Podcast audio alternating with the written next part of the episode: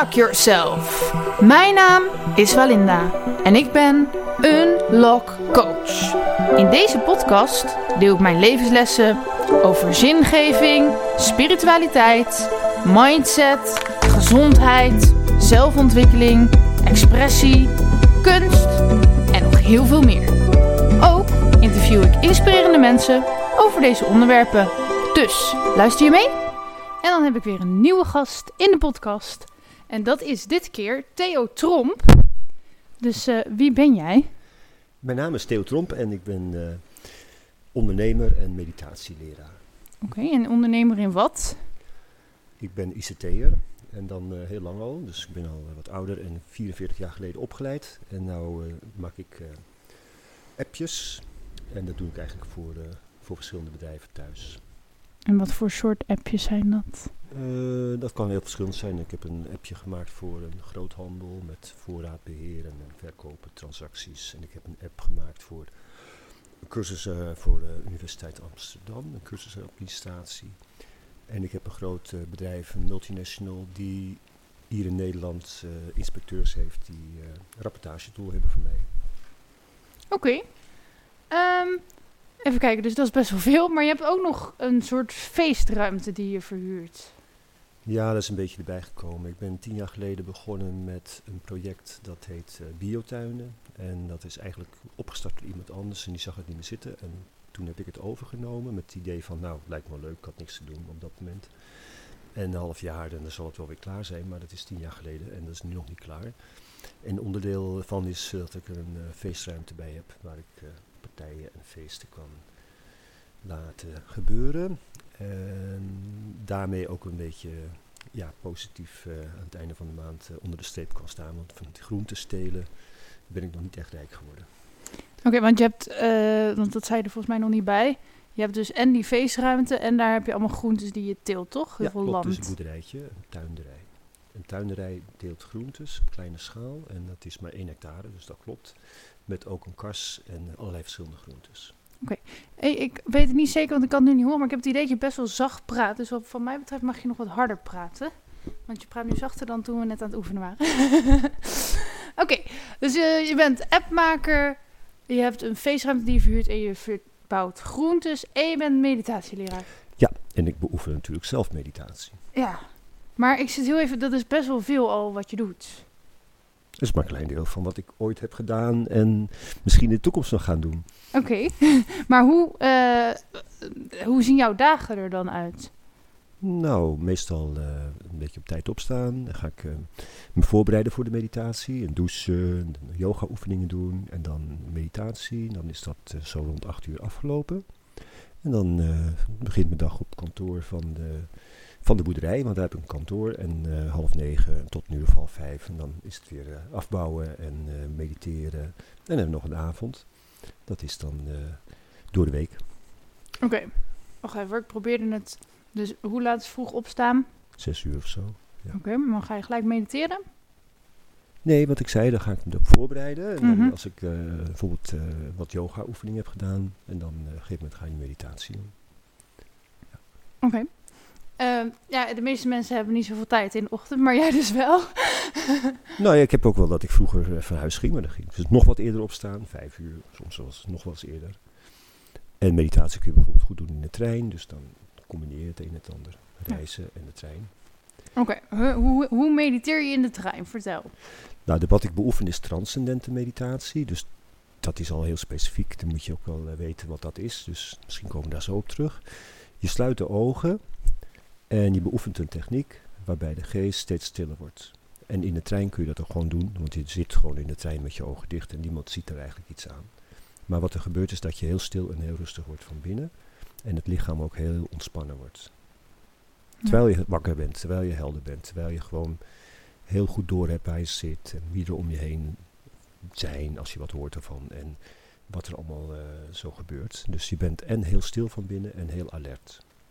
Um, nou, heb ik je dit al wel eens eerder gevraagd in het echte leven, maar wat is nou het verschil tussen transcendent meditatie en andere soorten meditatie? Want voor mij klinkt het als gewoon een meditatie. Ja, maar het woord meditatie betekent naar het midden of naar binnen gaan.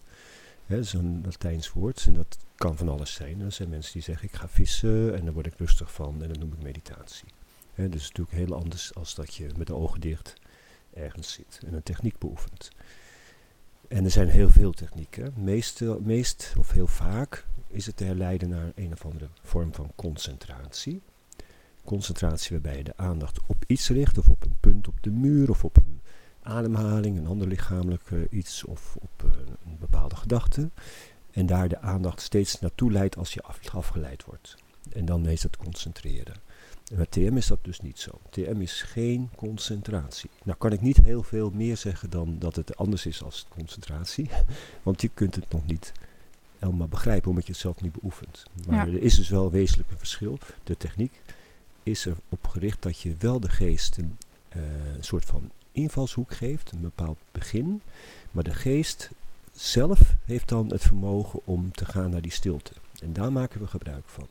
Dus met concentratie dwing je de geest. Met TM geef je de geest de kans om zelf naar dat gebied toe te gaan van stilte. En dat is dus heel anders. En het is heel prettig om te doen. En heel gemakkelijk ook. Dus iedereen kan het leren. Vanaf 4, 5 jaar kunnen kinderen al meditatie leren. En van welke afkomst of welke religie of welke kennisniveau of leeftijd. Dat maakt eigenlijk allemaal niks uit. Iedereen kan het leren. Maar hoe, ja, de, ik heb deze vraag al vaker echt gesteld en toen kreeg ik er niet echt een duidelijk antwoord op, omdat ik dan gewoon de cursus moet gaan volgen, volgens mij. Maar ik snap niet hoe je nergens je aandacht op kan. Dat kan niet. Je hebt altijd wel ergens je aandacht op, al is het op je adem. Ja, maar dan zit je dus al met een concentratieoefening. Ja, maar hoe kan je nou zonder concentratie... Dat gaat toch niet? Dat is dus mogelijk omdat de geest heeft zelf het vermogen om van onderwerp te switchen. Als wij nu hier het gesprek voeren en, ja. voeren en je luistert naar mij. Mhm. Stel, er is een muziekje ergens van de buren, dat hoor je hier dan misschien toevallig ook iets van. Dan gaat die aandacht in plaats van naar mijn verhaal, gaat misschien naar de muziek. Dat zou kunnen. En omdat die muziek nou net toevallig heel aantrekkelijk was voor jou. Hè? Jouw lievelingsmuziek of je bent heel nieuwsgierig. En, en dan hoor je mijn stem niet meer, maar je hoort wel die muziek. Wat is er gebeurd? Je, je geest heeft eigenlijk de aandacht verplaatst van mij naar die muziek. En dat doet de geest zelf. Dat heb jij niet gestuurd. Ah, En- maar en dat, dat- is dus. dat maar dan heb je mechanisme- wel concentratie op dat andere, alleen geen, bewuste nee, nee, nee, concentratie. Nee, geen concentratie nog. Want wat de geest dus kan, hij kan dus van onderwerp wisselen. Ja, Dus hij kan ook gaan naar een gebied wat heel aantrekkelijk is, wat de geest graag wil, is hele diepe stilte. Heel dicht bij zijn eigen oorsprong. Waar gedachte begint in de geest, daar is het heel stil. En daar kan hij ook naartoe. Op het moment dat hij die weg maar weet, dat hij daar naartoe geleid wordt. Je legt hem echt alleen maar even uit van, doe nu dit, en dan ga je zelf ga je verder. Dus je begint met de techniek en dan neemt eigenlijk de geest het over. En als de geest het overgenomen heeft, dan doe je niks meer en is het dus geen concentratie. Maar ik heb dus best wel veel, eh, nou ja, ook wel meditatiedingen en yoga dingen gedaan. En jij zegt dat is echt anders. Maar ik heb echt wel gehad dat ik zeg maar anderhalf uur lang eerst focus op de ademhaling. Maar dan op een gegeven moment dacht ik aan niks meer. Ja, dat is een effect van concentratie. Want er zijn natuurlijk miljoenen mensen die concentratiebeoefeningen doen. En heel veel stromingen die dat ook zo eh, propageren. Als je de aandacht op een bepaald punt richt, op je ademhaling. En je, iedere keer als er een gedachte komt van, eh, ja, ik moet nog boodschappen doen of een andere gedachte. Oh nee, nee, ademhaling. En dan ga je terug naar dat punt. En eigenlijk is dat niet zo heel spannend, want die geest wil steeds andere dingen. Die wil steeds naar mooiere dingen en andere. Dus het is logisch dat de aandacht af en toe is weggeleid. En dat je weer aan iets anders denkt. En door steeds te gaan naar dat punt waarop je de aandacht richt, die ademhaling, krijg je dat de geest op een gegeven moment een beetje eh, moe van wordt. Saai en, en misschien wel een beetje uitgeput. En op dat moment dat de geest eventjes helemaal niks meer wil, dan kan hij ook spontaan glijden naar een heel stil gebied binnen in jezelf. Maar is, dat het een, hetzelfde gebied als trend? het is altijd hetzelfde gebied als het spontaan en gemakkelijk gaat en heel comfortabel is en heel fijne ervaring is. Oké. Dus Alleen- ik heb het in principe al meegemaakt, alleen niet via de juiste methode. Of nee, juist niet een- via jouw iedereen methode. heeft een goede methode, hè, maar Ja. als je naar dat gebied wil gaan en er zijn mensen die hebben die ervaring een keer meegemaakt, heel spontaan en heel fijn, en dan willen ze dat nog een keer en dan, dan lukt het niet. En op het moment dat je dan de concentratieoefening weer doet, hè, die leidt het niet direct, hè, dat is een indirecte manier. Ja. Het kan gebeuren, het kan zelfs een paar keer gebeuren, maar het kan ook weer vijf jaar niet gebeuren. En met TM, binnen een paar seconden bereik je het. Ja. Dus dat is echt heel effectief om precies te gaan naar het gebied waar je graag wil zijn. Ja, gewoon even je uitknop indrukken eigenlijk. Eh, geestelijke douche. Maar goed, je zegt het ehm, gebied in de geest waar de gedachten ontstaan. Misschien ben ik een beetje te letterlijk, maar welk gebied is dat en hoe weet je dat? Ehm, nou, de, de grondlegger van transcendente meditatie is Marici Mazioki. Marici gaf altijd uitleg, in, meestal in de vorm van een vergelijking, of in ieder geval een eenvoudige manier om het te begrijpen. En de uitleg is dat we de geest kunnen vergelijken met een oceaan. Een oceaan heeft een oppervlakte en heeft een bodem. De oppervlakte is altijd beweging, of het is in ieder geval altijd verandering. De ene keer is de hoge golf, de andere keer is het wat minder hoge golf. En is vaak dynamisch, hè? dus iedere keer is er wat aan de hand. En aan de bodem is gewoon continu stilte. 10 kilometer op de bodem of, of, of, of, of 1000 meter, maakt niet uit. Het is in ieder geval heel stil. Er gebeurt niks, je hoort niks, er is geen beweging, er is helemaal niks. In de geest is er een gebied waar we ons gedachten concreet denken. Dat is de bewuste denklaag. Dat heet de bewustzijn, waar we wakker van zijn. Dat is ongeveer 10%.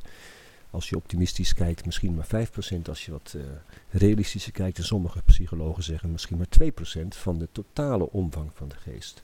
Het totale bereik is vele malen groter dan wat we gebruiken. En dat noemen we onbewust. Dus de deel van de geest wat niet wakker is, onbewust is niet wakker en bewust is wakker. Ja, dat wil je eigenlijk ook gebruiken. Maar dat lukt niet omdat je in de bewuste denklaag zit en dat onbewuste is niet wakker gemaakt. Maar het stille gebied van de geest is dus het onbewuste. En tijdens de TM-techniek gaan we daar steeds weer meer wakker van maken. Dus je gaat er naartoe en je komt dan terug met een stukje van die kwaliteit van het hele stille gebied. En in het allerdiepste niveau is ook alles mogelijk. Er ontstaan gedachten, er ontstaat creativiteit, er is intelligentie, daar is eigenlijk alles in potentie aanwezig. En je neemt dat mee in je activiteit na de meditatie. Een hele diepe stilte, hele leuke ideeën. Hè. Uh, de Beatles, misschien, uh, die waren op een gegeven moment uh, leerlingen van Marici. Die maakten hun mooiste muziek in de tijd dat ze ook bij Marici veel mediteerden. Gewoon omdat in die stilte die muziek eigenlijk automatisch naar ze toe kwam. Ja. En zo is het ook met een heleboel andere dingen. Ik heb dan wel eens een ideetje over een probleem waar ik mee zit. En nou, dan komt dat ook naar voren op het moment dat je er eventjes niet met een probleem bezig bent, maar gewoon in stilte bent. Ja. Dat geldt voor iedereen hoor, in het algemeen. Ja. Maar in die stilte van de meditatie is natuurlijk wel heel veel dieper als een stilte van eh, eventjes de ogen dicht en op de bank zitten. En je doet twee keer per dag die meditatie, hè? Ja, het is twee keer per dag. Hoe lang al?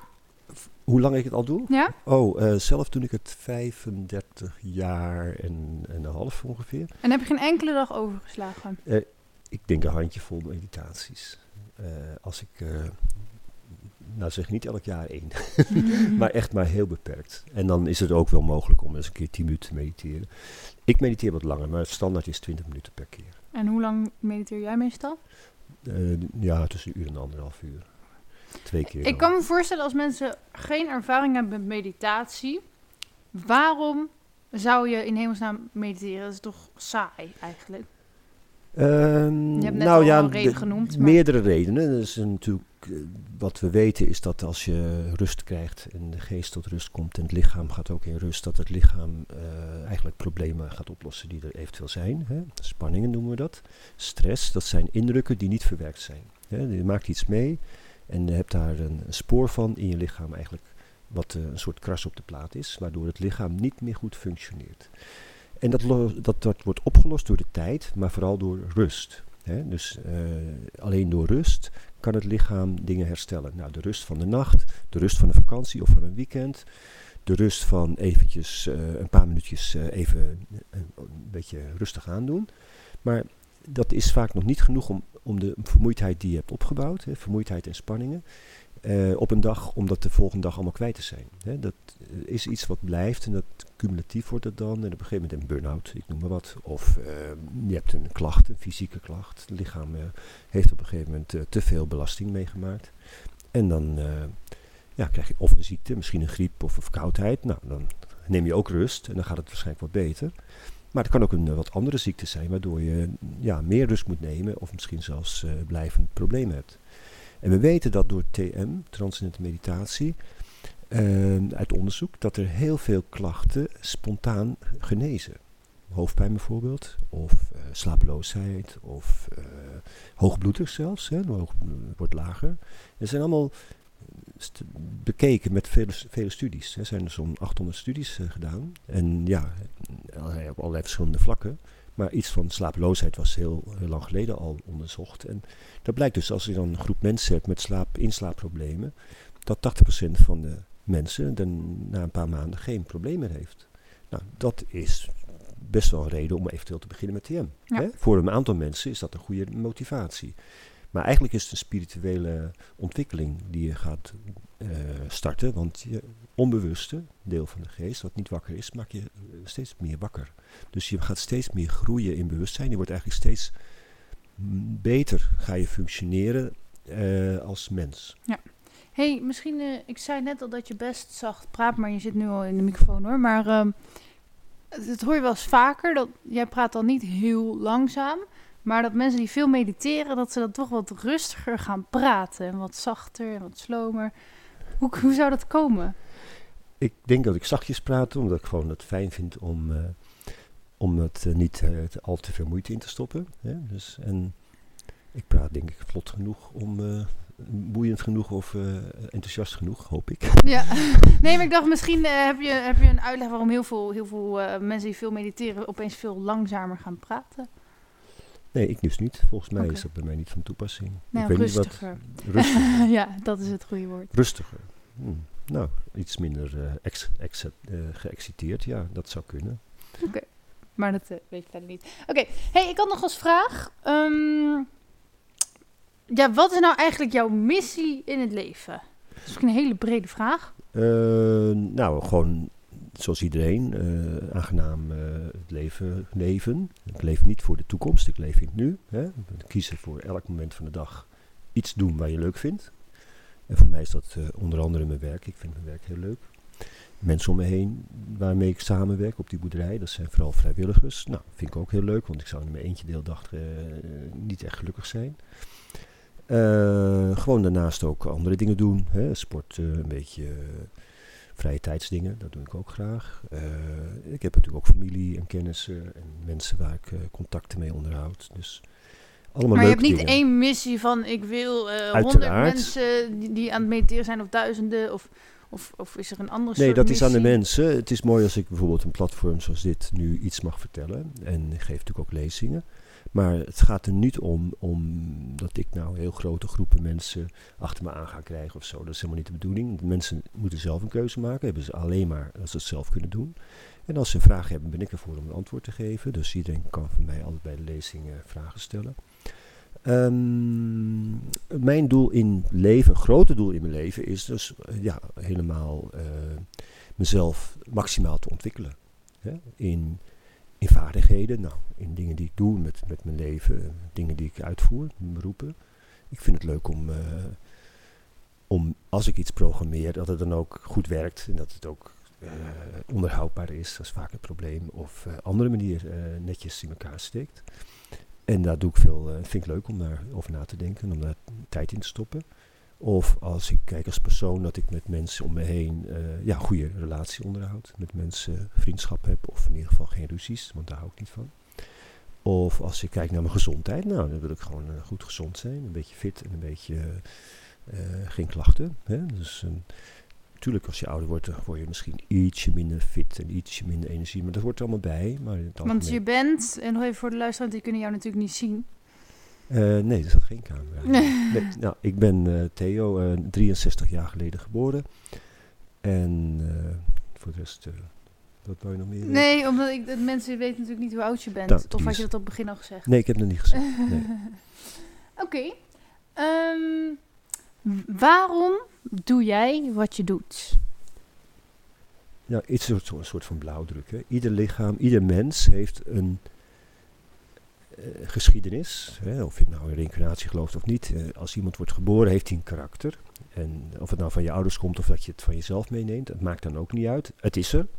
En daar heb je mee te maken. Er is gewoon iets wat je meekrijgt. En ieder mens heeft een, nou, of je nou wel of niet in astrologie gelooft, ieder mens heeft een soort blauwdruk van wat dingen die je gaat doen in hun leven. En dat ligt best wel aardig eh, op je pad, als het ware. Hè? Elke ontmoeting of elke fase in je leven heb je gewoon dingen die je tegenkomt. En er is eigenlijk een soort van uh, ja, uitgestippeld iets, of er is iets waar, wat bij je hoort, wat bij je, waar je tegenkomt. En ik ben ooit begonnen met programmeren, helemaal niet omdat ik wist dat programmeren, wat dat nou eigenlijk was, helemaal niet. Het is gewoon toevallig geworden dat ik dat deed. En nou, bevalt eigenlijk heel prima, dus doe ik nog steeds. En, en, elke mens heeft dat. Dus elke mens heeft eigenheid. En het is in die eigenheid die je gebruikt om maximaal te groeien. En de een kan bijvoorbeeld heel mooi zingen, hè? Linda. en de andere, en die, en die, en die gaat Fijn dat je nog even benoemt. Die gaat dan, die gaat dan uh, dat oefenen, elke dag zingen en elke dag uh, een nieuw liedje schrijven. Nou, en wordt daar steeds vertrouwder mee en steeds beter in. En misschien is het een ambitie dat je heel beroemd wordt, maar je wilt er in ieder geval geld mee verdienen. Nou, gaat misschien ook een keer gebeuren. Nou, ik verdien er wel eens geld mee. Kijk er eens aan. ik kan er lang niet van leven. Maar... Je bent heel jong, dus je kunt het nog uh, lang uh, doen. Ook weer terugkomend op de Beatles, die waren helemaal niet beroemd toen ze in Hamburg waren en in een, een of andere kroeg elke avond een nummertje speelden. Gewoon in een normale kroeg. En, maar ze deden dat wel twee jaar lang of drie jaar lang. Elke avond weer. En daarmee trainden ze zichzelf zodanig dat ze steeds beter en steeds perfectionistischer en steeds meer die muziek leefden. Waardoor, ze dus later eigenlijk steeds beter uh, uh, ja, groter publiek kregen. Ja. Hè, dat is niet zomaar komen aanwaaien. Het zijn natuurlijk wel muzikanten en ze waren zeker begaafd. Maar ze hebben er ook hard aan gewerkt. Ja. Ja, dus gewoon veel iets doen en dan word je er beter in en dan wordt het steeds groter. Wat op je pad ligt, wat, wat je, waar je dus, ja, wat voor jou iets is waar je. Uh, ja, voor mij is dat duidelijk iets dat, uh, dat ik creatief ben en dat ik graag dingen ontwikkel en dingen bedenk. Nou, dat kan heel goed een appje zijn, maar dat kan ook andere dingen zijn. Maar dat is een beetje waar, waar ik denk dat ik. Ja, ideeën die ik krijg om dat uit te voeren of om daarover na te denken. Heb je een speciale doelgroep voor wie je de dingen doet die je doet, zeg maar? Is er, heb je meer met jonge mensen, meer met oude mensen, een bepaalde soort opdrachtgevers? Ja, klanten die appjes vragen van mij, ja, die uh, willen er gewoon uh, geld mee verdienen. Want ja, die hebben ze dan nodig en daar betalen ze mij geld voor. En dat is normaal, er is geen bepaalde doel. Ik werk niet voor een, voor een sigaretindustrie. Ik werk niet voor de farmaceutische industrie. Ik werk niet voor organisaties of, of, of uh, branches waarvan ik vind dat het geen goede bijdrage is voor de, voor de maatschappij. Dus dat doe ik sowieso niet. En voor de rest laat ik het gewoon gebeuren. Ja. En de Universiteit van Amsterdam, nou, die geven les, dus ja, kan ik niet zoveel probleem mee hebben. En als uh, inspecteurs een huis inspecteren om een elektrische installatie uh, veiliger te krijgen, nou, daar heeft ook niemand een probleem mee. En nou ja, ik had een groothandel die handelde in milieuvriendelijk, ecologisch uh, kinderspeelgoed voor een wat duurdere portemonnee. Maar oké, okay, dat is ook prima. Hè? Dus ik heb dat eigenlijk altijd zo gehad. Ja, dus nooit uh, tegen mijn gevoel in ergens voor gaan. Men denk, nou, dan zoeken ze maar een ander uh, brein, maar mijn brein krijgen ze daarvoor niet. dat is wel mooi. Heb je dat al van jongs af aan, dat je heel bewust kiest? Uh, nou, daar ben ik op een gegeven moment wel aan begonnen. Ik ben ooit begonnen vegetarisch te eten. Ik ben ooit begonnen uh, niet te drinken, niet te roken. Niet, uh, nou, roken heb ik nooit gedaan, dus daar ben ik nooit aan begonnen. Maar zulke dingen was wel vrij jong al dat ik daarmee bezig was. En toen ik helemaal consultant was, ja, denk ik dat het ook wel vrij duidelijk was. Ik was ook nooit voor gevraagd hoor. Hm. Maar dat deed ik dan eigenlijk toch niet, nee. Oké. Okay. Klinkt een beetje als het braafste jongetje van de klas. Super, hè? Geweldig. ja, jij bent er wel trots op. Maar heb je, je hebt niet, dus niet echt een omslagpunt van... eerst was ik helemaal wild of zat ik aan de grond. Of, weet je wel, dat je, dat je zo'n dieptepunt had in je leven... waardoor het helemaal omsloeg of zo. Dat, dat hoor je vaak in verhalen, maar... Uh, nee, nee. Het is niet dat ik... Jij bent gewoon heb... verlicht geboren. Mm, nee, ik was niet echt... Uh, laat zeggen, toen ik begon met mediteren... zat ik op het spoor van veel programmeren al. En, en ik zat al... Uh, toen tien jaar geloof ik achter een computerscherm of zo. En een beetje nerd of autistisch of uh, introvert, hoe je het ook noemen wilt. Die richting was ik zeker opgegroeid. En dat, nou, dat is eigenlijk weer een beetje veranderd. Dus door die meditatie. Mijn moeder is, die wist dat eigenlijk al na een tijdje. Van, toen ik dus niet vertelde dat ik mediteerde, want daar was ik veel te verlegen voor. Dat was ook een eigenschap die ik toen wat meer had als nu. En uh, toen kwamen ze op een gegeven moment achter, mijn ouders. En Maar daarvoor had mijn moeder me gezien van, hé, hey, dat lijkt of Theo weer de oude Theo wordt. Een jongen die gewoon spontaan is en normaal eh, vrolijk en zo. Terwijl ik ervoor misschien een beetje was ingezakt. Maar ik had er niet, ik had er wel last van. Vond het niet leuk dat ik verlegen was en zo. Maar ja, ik functioneerde nog wel. Dus je, dus je hebt een periode gehad dat je, oh, dat je even verlegen was. En, uh... Verlegenheid heb ik nog steeds in, Mhm. in sommige situaties. Niet echt verlegen, maar laat ik zeggen, ik ben niet de meest uitbundige in alle situaties. Hoeft niet, want ik ben gewoon mezelf. En waarom zou ik? Ja. Ik doe geen geweld aan mijn eigen ah, karakter. En als iemand eh, voor mij eh, het podium opgaat of iets doet op een podium en denk ik van nou die kan het prima of die kan het beter, dan hoef ik dat niet op het podium. En dan heb ik helemaal geen angst om het podium op te gaan. Maar het is niet het eerste wat ik dan doe. Nee. Maar ik vind het ook leuk om voor deze microfoon iets te vertellen. En eh, nou ja, daar heb ik geen probleem mee, omdat ik gewoon weet dat het goed is wat, ik, wat jij ermee doet. En eh, het is een leuk onderwerp om over te praten. Oké. Ehm, in wat voor soort gezin groeide je op? Want je had het al een beetje over je moeder. Ja, mijn vader en moeder waren eh, arm. eh, geboren eigenlijk ook, want hun ouders waren ook niet echt rijk. Mijn moeder was ook eh, vanaf de twaalfde dat ze moest werken thuis in het boerderijtje van haar ouders. Mijn vader idem dito. Dus laag geschoold, alleen lagere school. En niet, niet dat ze daar nou dat ze dat leuk vonden, want ja, mijn moeder had wel een ambitie om een vervolgopleiding eh, eh, dat ze ook mee begonnen was. Maar ja, dat, dat mocht niet worden afgemaakt. Dat was gewoon die tijd, dat mocht niet. Er was geen geld voor of dat, dat moest gewoon gewerkt worden. Dus ehm, de consequentie, mijn vader was nog ietsje anders. Die had ook geen inkomen, want hij werkte altijd voor zijn vader. Tot zijn 26e, toen ging hij trouwen. En hij had ook eens bij een, bij een andere baas gewerkt, maar dat geld gaf hij dan af. Dat was dus geen geld voor hem. Hij had niet eens ge- zakgeld. Terwijl hij gewoon werkte. Tot zijn 26e. En daarna had hij eigenlijk geen werk meer. Want ja, mijn opa die zei van ja, je bent nu getrouwd, dus nu moet ik jouw geld betalen. Maar ik heb geen geld, dus eh, geen werk. En toen kon hij ook niet meteen wat anders vinden. Dus dat was wel heel erg. eh, ja, dat was wel een geldstressje voor hun toen. En hebben ze ook eh, heb ik ook wel wat van meegekregen in eh, mijn jeugd. Mhm. Want ja, er was altijd eh, zuinig dit en zuinig dat. Maar eh, geen ongelukkige jeugd. Helemaal geen probleem. Ehm, waar kom ik vandaan? Dus het is een beetje de arbeiders, boerenachtige achtergrond. En woonde op het platteland. Ik zat ook altijd bij de boeren, bij de boerderijen van de buren. Ik was eigenlijk altijd buiten. En dat ik nu zelf een boer ben, dat is meer, eh, ja, dat is al op een pad gekomen, maar dat is natuurlijk niet toevallig. Er is niks gebeurd toevallig. Maar ik was er in ieder geval nooit mee bezig. Ik heb eigenlijk nooit iets mee gedaan. Pas toen ik dit project begon, van tien jaar terug, eh, startte dat. En Ja. daarvoor, daarvoor dus helemaal niet. En dan denk ik van, ja, ik wist er ook niet veel meer vanaf. Of wist eigenlijk niks. Mijn vader wel eens plantjes in de grond gestopt als drie, vierjarige. Maar ja, als je daar niet zoveel eh, meer mee doet, op een gegeven moment ga je andere dingen doen natuurlijk. Dus je had niet als kind zoiets van, ik wil later boer worden. Absoluut niet. Oké. En nog steeds niet, want ik vind het Boer programmeren, ja, ik vind het programmeren eigenlijk veel leuker. ja. Maar de afwisseling is ook leuk. En je moet zeggen dat ik na zoveel jaren wel heel veel meer begrijp van de natuur en van het telen van plantjes en groenten en de dingen. Bijvoorbeeld vandaag had ik pompoenen geoogst en ja, die moet je dan een beetje uitzoeken. Maar een pompoen die je oogst, die is dus rijp. Hè? Die heeft eh, een zomer op het land gelegen en dat is dan een eh, pompoen die je kunt gaan eten. Maar je wil hem ook een tijdje bewaren, dus je moet hem eh, een beetje de goede, eh, de, van de minder goede scheiden. Dat het straks is makkelijk eerst de, de goede bewaar natuurlijk en de minder goede probeer je meteen te verkopen. En ehm, ja, zo'n pompoen die je geoogst hebt is gewoon nog levend. Hè? Die, die ademt nog steeds, die heeft nog steeds een stofwisseling, nou, wordt nog steeds zoeter. Hè? Dus dat is fruit, hè? dat wordt steeds zoeter. Eh, die heeft een bepaalde eh, levensduur, die kun je wel opslaan, maar ook niet oneindig.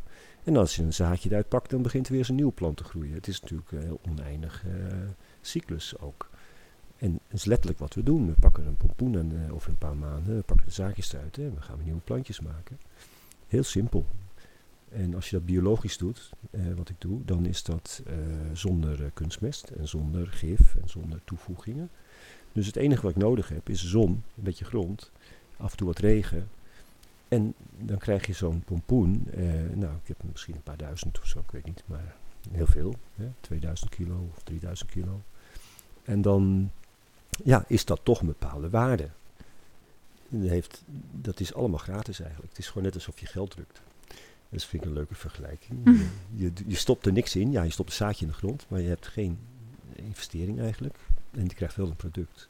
Ja. is wel erg zwart-wit gedacht. Want natuurlijk heeft een boer altijd wel investeringen. En natuurlijk moet er ook wel wat gebeuren. Maar eh, je creëert wel iets. eh, eh, Van hele- niets. Van, van bijna niets, Mhm. ja. Ja, En jullie hebben ook een zweethut in, op het land staan? ja, dat is een project van een vriend van mij. Die een shamanistische plek heeft gemaakt. Waar je ceremonies kunt doen. Zoals een zweethutceremonie. En seizoensvieringen, festivalletjes en dat soort dingen.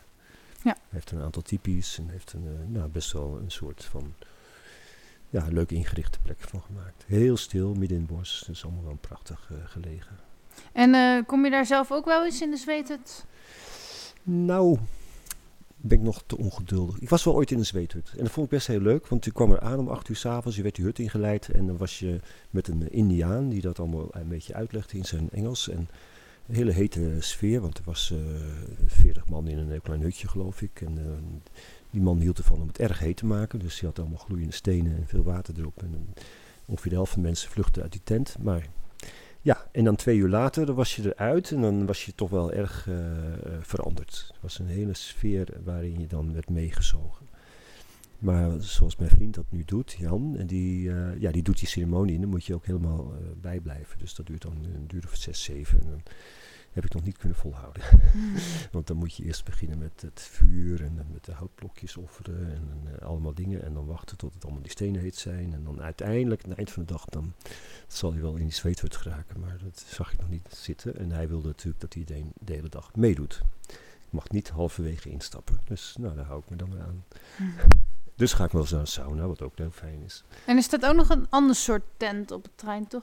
Of is dat, dat is een zweethut en nog een... Vrouwentent is er. Oh ja. Eh, ja, er zijn wat die... Nee, in ieder geval, ik, ik heb het dus gezien. Ik vond het echt zo mooi daar.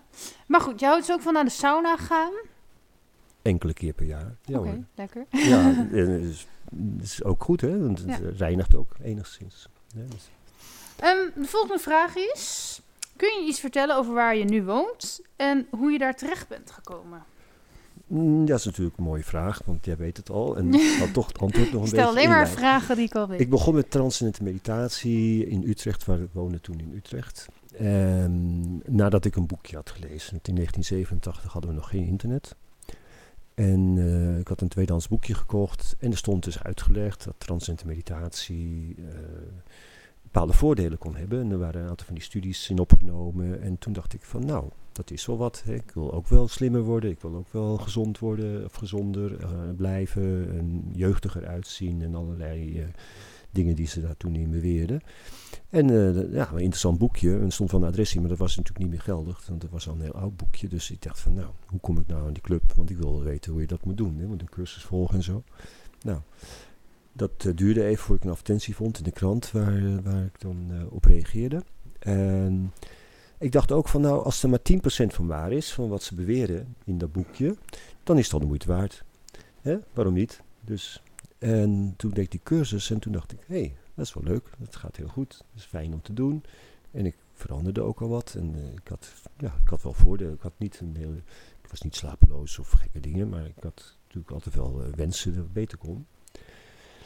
Maar wat ik merkte is dat naast die voordelen die allemaal in het boekje stonden, eigenlijk ook nog veel meer voordelen kwamen. Dus eh laten zeggen, je gaat een spirituele ontwikkeling in. Je wordt steeds meer jezelf. Je gaat steeds meer begrijpen wat je, ja, waar je, wat voor jou bedoeld is, waar je je eigenheid in kwijt kan, welke dingen je bij je passen, welke dingen misschien wat minder goed. En, en die ontwikkeling, daar had ik niet op geanticipeerd. Wist ik helemaal niet. Hè? Hoe mijn verlegenheid ging weg en zo, dat wist ik ook niet. En toen dacht ik, nou, laat ik nog eens een weekend doen. En laat ik nog eens een weekend doen. En toen bleek er nog vervolgcursus mogelijk te zijn. Toen daar maar voor opgegeven. En toen op een gegeven moment was het dan, ja, een eh, gevorderde mediteerder geworden eigenlijk. Hè. En daar stond een, een woongemeenschap voor open, die, waar je dan ook naartoe kon gaan. Maar ja, dacht ik, ik ga natuurlijk niet naar een woongemeenschap, want ik ben zo Verlicht, nee. Nee, ik ben zo op mezelf gericht. Ik, ben zo, ik kan nooit met groepen omgaan. En dat werkt natuurlijk niet voor mij. En, en- dus ik had zoiets van, eh, dat is leuk, maar daar ga ik niet naartoe. En dat was dan in Lelystad. En Eh, maar dan ging ik thuis eh, mediteren en dat gevorderde programma dat, dat duurde dus al een uur. En ja, het was wel leuk, maar ik miste wel de sfeer van de cursus. En daar zat je in een groep en dat was toch wel even anders. En toen dacht ik, hé, hey, misschien is het toch wel leuk als ik die groep dan, dat ik naar die woongemeenschap ga, want dan zit er ook zo'n groep. Dus ik ben dat weekend erop daarheen gegaan. Eigenlijk ben ik er niet meer weggegaan. Dus ben er gewoon gebleven. En dan, hoe heet die woongemeenschap voor daar? Siddadorp. Ja, en dat is dus in Lelystad. Ja, Siddadorp, S-I-D-H-A. En dat is dus ook door die, ik weet even Maharishi, Maharishi, opgericht? Ja, Maharishi Mahesh Yogi was iemand die duizenden projecten leidde. En echt eh, over de hele wereld overal actief was. En hij had in 1978 zat hij in Zwitserland. En de Nederlandse termorganisatie was best wel eh, een beetje levendiger als nu. Waarbij er, eh, de, de, de nationale leider had een kort lijntje met Maharishi. En had afgesproken dat als hij duizend mensen bij elkaar zou krijgen, dat Maharishi dan zou gaan spreken. Die zou komen en dan zou hij met die groep mensen in gesprek gaan en verhalen vertellen. En, nou, dus wat gebeurde? We organiseerden een, een, weekend, werd er georganiseerd. Het is gewoon een man uit India, hè? Ja, Maharishi Mahesh is een titel, maar hij is eigenlijk uh, uh, Varma, uh, Mahesh Varma is zijn eigen naam, maar die kent niemand. Mahesh Yogi. Jij wel dus. ja, oké. Okay. Um, dus onze vertegenwoordiger van de TM-organisatie in Nederland, de nationaal leider, en die organiseerde een weekend in de Haai in Amsterdam, waar duizend mensen, waren wel 1500 mensen geloof ik, aanwezig waren. En dat was ook afgesproken Marici zou komen. Dus op vrijdagavond, uh, ja, ze zijn er allemaal gekomen en ze wachten op je. Dus Marici uh, uit Zwitserland zou je dan naar Amsterdam moeten gaan. Nou, en nou, dat, geen reactie. Nou, zaterdagmorgen weer bellen en dan zaterdagmiddag weer bellen en zaterdagavond weer, nog steeds geen reactie. En toen op een gegeven moment was het toch wel een beetje, een beetje, een beetje onrustig. Want ja, het was beloofd dat Marici zou komen. Dat was toch wel een reden waarom al die mensen bij elkaar kwamen ook. Dus uh, uiteindelijk, na een behoorlijke inspanning van die nationale leider, is Marici op die zondag dan gekomen. En dan sprak hij met mensen. En een van de dingen die hij suggereerde was dat er nu dat op dat moment veel mensen waren die gevorderde programma hadden geleerd in 78. Dat ze daar uh, een, een plek konden vinden in Nederland waar ze dat samen konden doen. Nou, het was een suggestie. Het was geen project wat Marici leidde, absoluut niet. Hij zei gewoon, het zou goed zijn als jullie een plek vinden en dan moet het een mooie plek zijn. En nou, waar zijn mooie plekken en welk deel van het land en een beetje centraal en, en nou, al die dingen. Nou, en er zijn twee mensen die dat hebben opgepikt en die hebben dat verder uitgewerkt. Die zijn gewoon in gaan reizen in Nederland, zijn op de Veluwe gaan kijken, zijn allerlei gemeentes langs gegaan. En uiteindelijk kwamen ze in Lelystad ja, uiteindelijk, eigenlijk in het begin ook al, maar uiteindelijk nadat ze op andere gemeentes waren afgewezen, kwamen ze in Lelystad voor een mogelijkheid om daar een eigen woningbouwvereniging op te richten en huizen te bouwen en de mensen naartoe te krijgen en zelf de toelating te regelen. Dus nieuwe huizen met een eigen wijk en een eigen sfeer en een gemeenschappelijke meditatieruimte, wat natuurlijk dan het belangrijkste gebouw zou zijn van die gemeenschap. Nou, dat is na zeven jaar was dat pas klaar. Dus het heeft van 78 tot 85 is de voorbereiding geweest. En nu staat het er in 2022 37 jaar. Dus dat is al heel lang. En ik ben daar eigenlijk uh, vlak nadat het is uh, gecreëerd, anderhalf jaar later, ben ik er al gaan wonen. Dus ik heb van de hele voorbereiding niets hoeven doen. Heel veel mensen hebben daar veel moeite voor gedaan. En ik ben gewoon meteen in het warme bad gaan zitten. Dat is heerlijk. Ja, ja nog steeds. En um, nou, ik ben wel eens bij je op bezoek geweest, maar ja, in principe ziet het er redelijk als een gewone woonwijk uit. Alleen de huizen zijn wat meer van hout, geloof ik. Ja, dus uh, de idee was dat ze hadden geen instructie gekregen wat nou precies een huis moest zijn. Daar hebben natuurlijk in Nederland andere, allemaal regels voor. En als je dus huizen bouwt namens een woningbouwvereniging, dan is het sociale woningbouw. En dan heeft het een bepaalde ja, maatvoering. Het mag niet te groot, het mag niet te mooi, het mag niet te duur. Dus dat is in ieder geval een, een, gewoon een wijkje. Um, toen dachten ze, nou, natuurlijke materialen, dat leek ze wel logisch, dus er werd dan hout. En voor de rest hebben ze eigenlijk niet veel. Uh, ze hebben gewoon een architect gevraagd. Ja, maar dat was gewoon nog. De ingang zit toch ook op een bepaalde manier. Uh... Ja, ja, dat heb je goed begrepen. Maar in 19, laat zeggen, 78, 1980, toen ze die plannen begonnen. Ja. Uh, was er nog geen kennis van Marici uit waar, waarbij je ook richtlijnen kreeg hoe je best een huis kon bouwen. Die kennis okay. is er wel. En is ook hele oude kennis, net zoals de meditatie ook hele oude kennis is. Maar ja, Maharishi was er nog niet naartoe gekomen. En, maar dat heet dan Stapatya Veda. En dat is een Sanskriet woord. Sans, stapat, en Sanskriet heeft ook een wortels in het Nederlands. Maar eigenlijk is sta is gewoon de wortel, staan. En, en pada, dat zijn de voeten. Dus hoe vestig je je in een omgeving als mens? Hè? Dat is, de Veda betekent weten, hè, kennis. Dus kennis om, je, uh, om te staan met je voeten, hè, dus met je, met je huis wordt er eigenlijk bedoeld, in een omgeving. Nou, en daar zijn allerlei lichtlijnen voor. En dan is het inderdaad de ingang. Is, uh, is uh, belangrijk dat hij op het oosten ligt of op het noorden. Maar in ieder geval niet op het zuiden of het westen. Maar ook dat het huis op de windrichtingen ligt. Net zoals een piramide precies op de windrichtingen is gebouwd. En ook aan allerlei, waarschijnlijk allerlei voorschriften heeft voldaan die ze toen wisten. En zo zie je ook in, in India, waar die kennis eigenlijk nog vroeger bekende, uh, bekend is geweest, op plattegronden van oude steden, dat er uh, kennis in zit. Straten allemaal noord, zuid, oost, west. En de ingangen van huizen allemaal op het oosten. Dat kun je zien aan plattegronden van bepaalde steden. En dat is uh, in Nederland in ieder geval uh, nooit, iets, nooit een issue geweest. Ik weet wel dat ze flats wel eens noord-zuid bouwen. Maar dat is omdat de architect dan wel de ochtendzon wil, maar niet de middagzon in, in het middaguur. En ook weer de avondzon wil. En dan zijn dus de gevels met glas zitten aan het oosten en het westen. Maar dat is een praktisch iets. Maar doorgaans zijn de straten en de manier waarop huizen worden gebouwd. Nou ja, mensen hebben dan liever een, zuid, een tuin op het zuiden dan een tuin op het noorden. Maar voor de rest hebben ze eigenlijk weinig input. Ja. He, de, bepaalt de gemeente hoe de straten komen. En dat is vaak niet noord, zuid, oost, west. Dat is toevallig meestal. Als het al gebeurt. En wij wisten dat niet. En we hebben in Lelystad wel veel straten noord, zuid, oost, west. Maar niet alle huizen hebben dan meteen een goede ingang.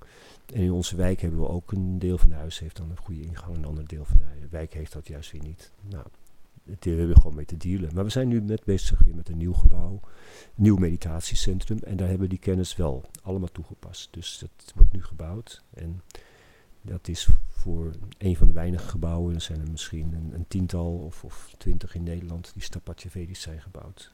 Marici woonde in Nederland een lange tijd. Heeft ook een Stapatjeveda gebouw voor zichzelf uh, gekregen. En er zijn ook in, Lelystad, in, in Lelystad een paar gebouwen en er zijn ook in Nederland een aantal van die gebouwen gebouwd. En dan, dus je hebt een algemene meditatieruimte, dus uh, al jouw buren mediteren eigenlijk, hè? Alle mensen die in het Zidderdorp, hè, ja. dus die wijk zijn gaan wonen, hebben meditatie geleerd. En een aantal van hen, uh, misschien is er mee gestopt, dat zou kunnen, dan blijven ze gewoon wonen. En niet iedereen heeft de gevorderde programma geleerd. Dus die meditatiehal die we nu hebben is daarvoor bedoeld. En het nieuwe meditatiecentrum is juist bedoeld voor mensen die, die 20 minuten mediteren. Die dus, uh, laten zeggen, meer beginnend zijn. Die hadden al een ruimte, maar die krijgen een grotere ruimte. En dan kunnen we daar meer mensen in kwijt. En we willen dat ook wel scheiden, omdat het twee verschillende groepen zijn. Uh, dus niet iedereen gaat daarheen, zeg maar. Een, dus, klein... Maar je wordt ook niet het dorp gezegd, je mediteert te weinig. Nee, nee, nee. dat beleid dat werkt in Nederland niet. Dat werkt niet. Nederland... Uh, maar ga jij dan ook bijvoorbeeld, uh, hoe vaak ga je naar die tempel bijvoorbeeld? Nou, ik ga persoonlijk bijna altijd. Dus zeg maar twee keer per dag. Zo. Maar dat kan ik combineren, omdat ik gewoon mijn eigen bedrijfje heb en mijn eigen werktijden bepaal. En ja. Ik vind meditatie sowieso prettig, dus ik ga het altijd blijven doen. En dan als ik het in de groep doe, vind ik het nog prettiger. Dus ja, ja als je van uh, chocoladeijs houdt, dan ga je natuurlijk niet uh, alleen maar yoghurt eten. Dan neem je ook af en toe chocoladeijs. En, ja. Nou is dat misschien niet een goede vergelijking. Nee, maar ik snap. Ik, ik ging uh, op, ja, twee jaar geleden elke dag yoga doen. Dus dat vond ik ook niet zwaar of zo. Nee, waarom? En dus als je dat heel goed bevoelt daarna of tijdens, en, ja, dan doe je dat graag. Ja. En als je er naar uitziet om bepaalde activiteiten te ondernemen, ja. En, en het is ook nog een keer heel gezond en heel fijn en vervullend. Hè? Want dit is letterlijk dat je vervuld wordt met creativiteit, energie, gedachten, die, die, borrelen op. Je krijgt e enorm veel vervulling daardoor. Als je moe bent en je komt er weer helemaal helder en wakker en, en met energie uit. Ja, wie wil dat niet, weet je wel. In plaats dat je een hele nacht moet slapen, kun je gewoon uh, 20 minuten mediteren en dan heb je het ook. Ja. Dus je slaapt niet meer? Jawel, je slaapt ook. Maar dat duurt een hele nacht. En dat doe je meestal alleen maar één keer. En mediteren doe je al twee keer. En dan kun je dus extra energie op een dag krijgen. Ja. S morgens vroeg en s middags ook weer. S'avonds heb je meer energie. Um, zijn er nou nog meer dingen die er in Siddha-dorp georganiseerd worden? Zeg maar, wat zijn de voordelen van daar wonen? Uh, het belangrijkste is natuurlijk dat je daar kunt mediteren in een groep. Dat is waar het voor opgericht is idee uh, wat ik zie is dat er veel mensen zelfstandig zijn of laat zeggen een eigenheid hebben die ze ontwikkeld hebben. Bijvoorbeeld kunstenaars, er zijn relatief veel kunstenaars. En mensen die een eigen bedrijf hebben. Er zitten ook wat oudere mensen, want ja, er zitten daar natuurlijk vanaf de eerste lichting nog een aantal. En die, ja, die zijn dan gemiddeld 60, 70, 80. Ja, er wonen veel 90, ouderen dus 90, in, uh, in 90 die plus. Eh, ja, dus eh, die, eh, die ken ik ook al heel lang. Dus ja, uiteindelijk zullen dat eh, weer eh, andere terugkomen. Ehm, je kent je mensen om je heen. We hebben natuurlijk ook activiteiten buiten de meditatie om. Hè. Sociale activiteiten. Er is een restaurant, er is een winkel, er is een school. Er is van alles waar mensen elkaar ontmoeten. En er zijn natuurlijk ook feesten die we organiseren.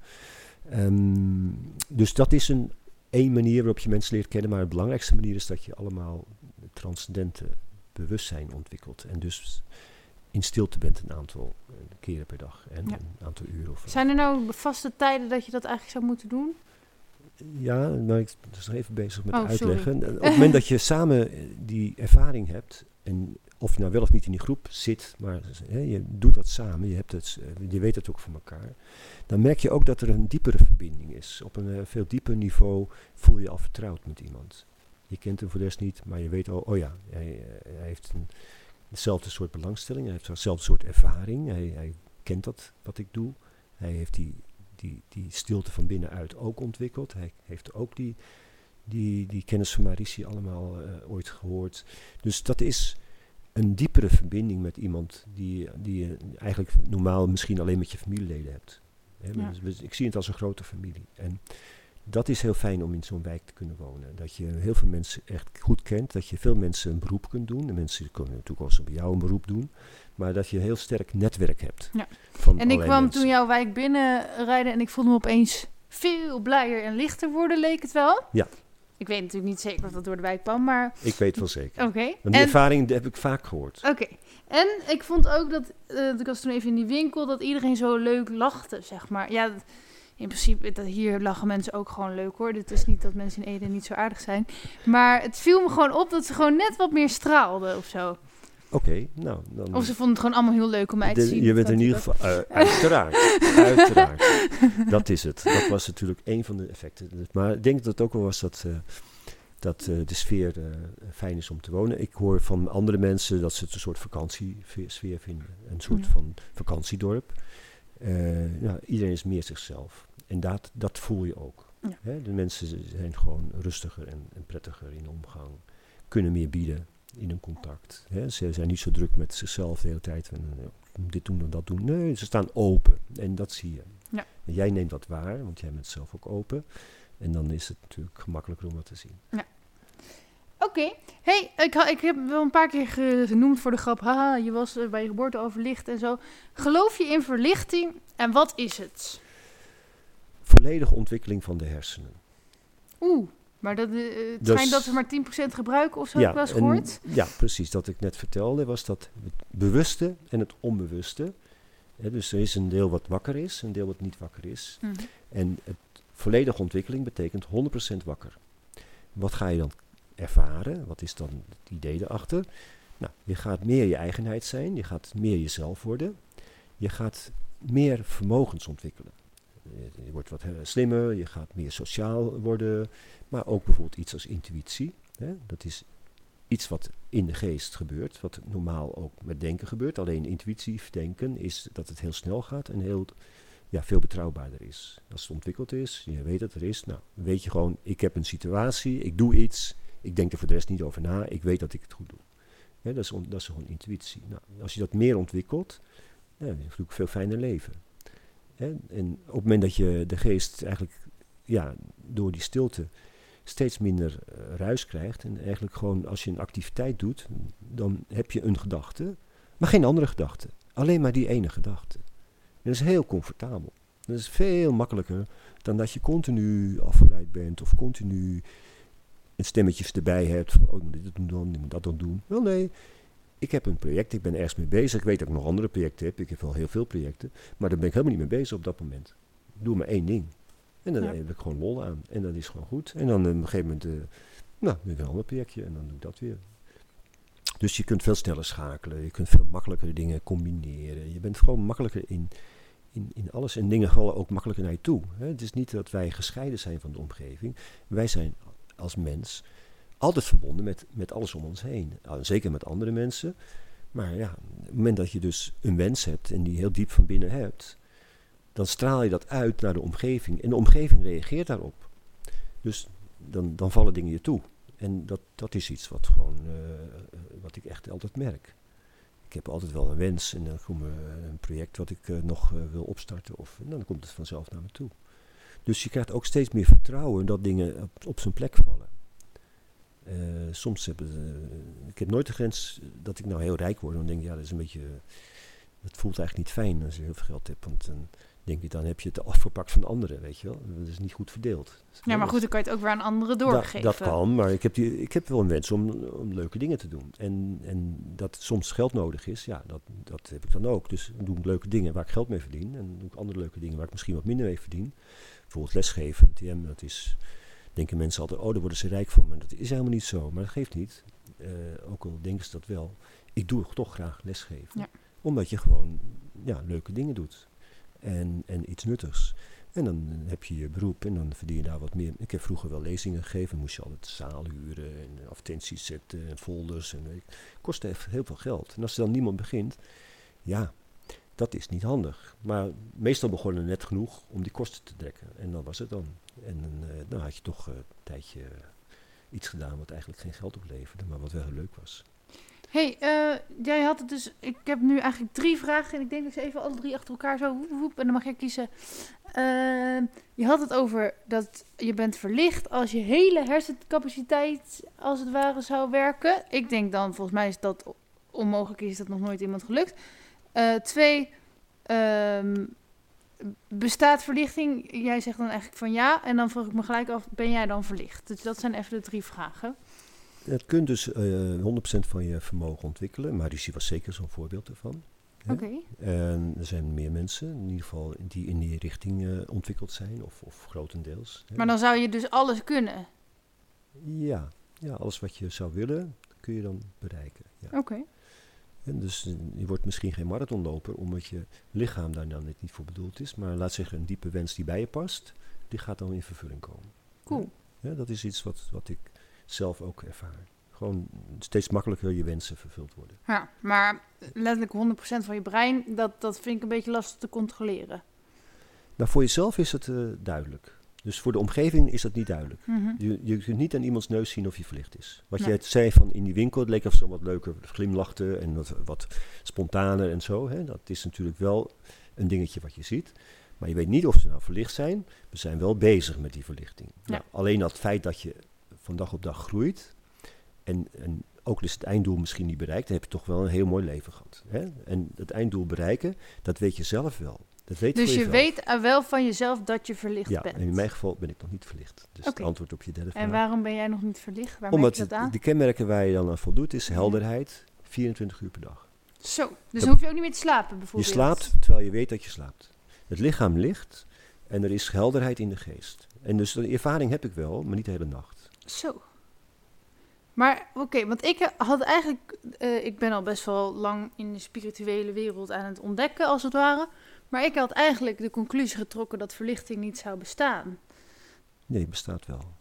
En dat kan, het maakt niet uit via welke invalshoek je het doet. Hè, dat kan voor de een een, een, eh, een religieuze eh, oefening zijn. En er- er zijn genoeg eh, verhalen uit de middeleeuwen bekend van mensen die verlicht waren. Althans, die vermogens hadden ontwikkeld die je meestal bij anderen niet zag. Bijvoorbeeld zweven door de lucht bijvoorbeeld.